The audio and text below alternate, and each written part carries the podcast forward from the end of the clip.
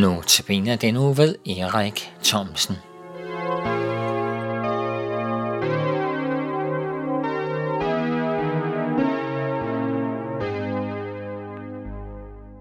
I den kommende uge er det Erik Thomsen, som holder notabene-andagterne. Jeg, Henning Gorte, har Erik her i studiet, og vil benytte anledningen til at præsentere Erik. Velkommen, Erik. Tak skal du have.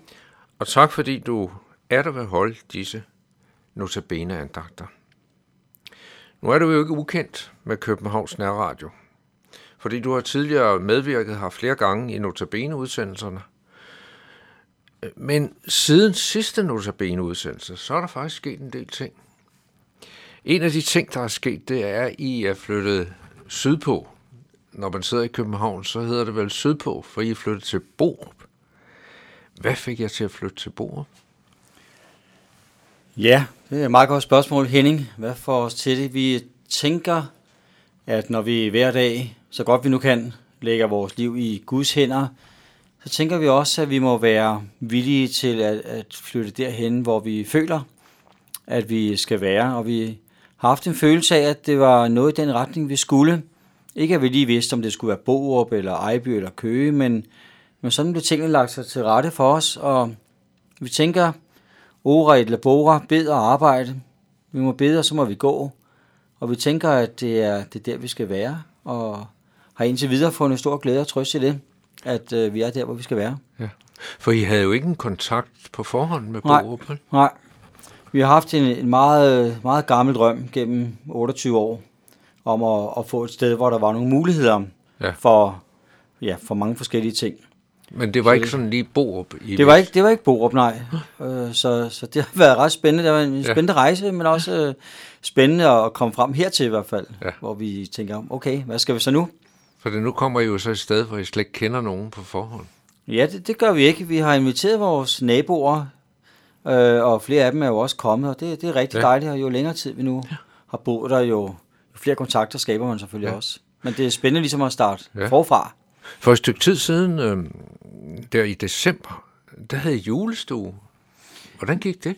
Jamen, det gik fint. Vi øh, valgte jo ligesom at sige, men vi bor jo lidt ude på landet, så, så hvis folk sådan lige skal ind og hilse på os, og vi skal hilse på dem, så må vi jo invitere dem.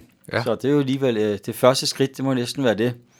Og, og heldigvis og glædeligvis, så var der mange, der tog mod indbydelsen.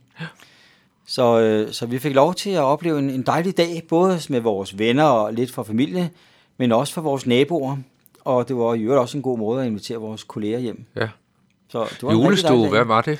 Jamen, julestue er jo et sted, hvor man kan købe øh, og hygge sig omkring æbler og, øh, øh, nej, ikke æble, æbleskiver og vafler, og man kan købe noget græn, man kan købe noget forskelligt lækkert, julechokolade og Ja. ja. Men øh, først og fremmest er det jo samvær i en mørk tid, hvor man forhåbentlig kan give hinanden lidt, lidt lys og glæde. ja. Men det må alligevel være spændende første gang, man gør sådan noget Meget spændende. nyt. Øh, klokken var, sådan som jeg husker det, 10 minutter i to. Der var der jo ikke nogen, og vi har inviteret Ja. til klokken to, så det var en vis spænding.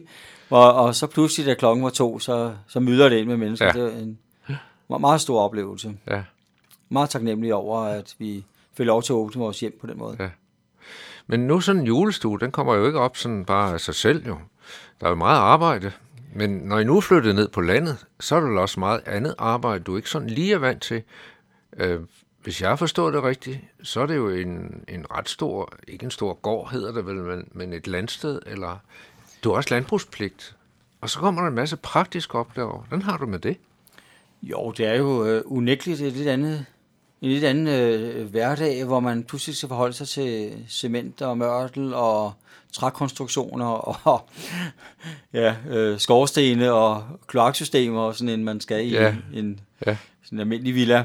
Så, Du har også og øh, ting- campingvogn stående. Ja, vi har øh, en del rum til, som vi leger ud til mekanikere, skutermekanikere, automekanikere, elektrikere. Ja. Og så har vi en del campingvognsejere der også. Ja.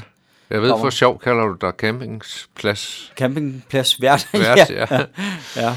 Ja, Øh, det vil men, jeg... men det var jo noget af det, det var jo, at der, der kommer heldigvis en, en del mennesker på gården, som, som Ja. ja. skaber noget liv, og, og det, det kan vi godt lide.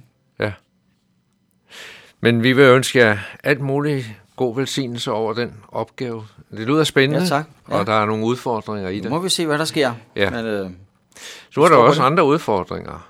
Fordi nu øh, skal vi jo så høre dine andagter. Er der et bestemt emne, du har valgt? Jeg havde, øh, inden vi to tale sammen om Notabene, havde jeg arbejdet lidt på en bog, hvor, øh, hvor det blev lidt centreret omkring det, øh, at ord forvandler og forandrer.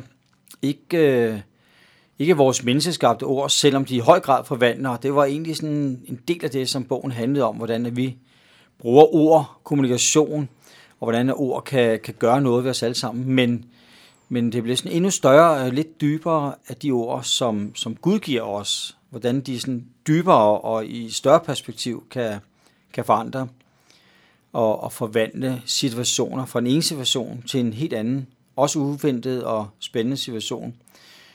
Øh, hvordan at liv kan blive til et anderledes liv og mere liv. Øh, så så det, var, det var ret spændende at arbejde med det frem til de her notabene. Så ja. jeg håber, at, at man bare får noget af det, som jeg i hvert fald er blevet fyldt med. Ja, det tvivler jeg ikke på, og vi glæder os i hvert fald til at høre dine andagter. Og som lytter, så kan det være, at du sidder tilbage efter en andagt med spørgsmål om det, der er blevet sagt, eller ønsker om nogle uddybninger, så er du meget velkommen til at kontakte Københavns Nærradio. Du kan gøre det ved at sende en mail til knr knr.dk eller du kan ringe til Nærradioen til lederen Viggo Vive på 32 58 80 80.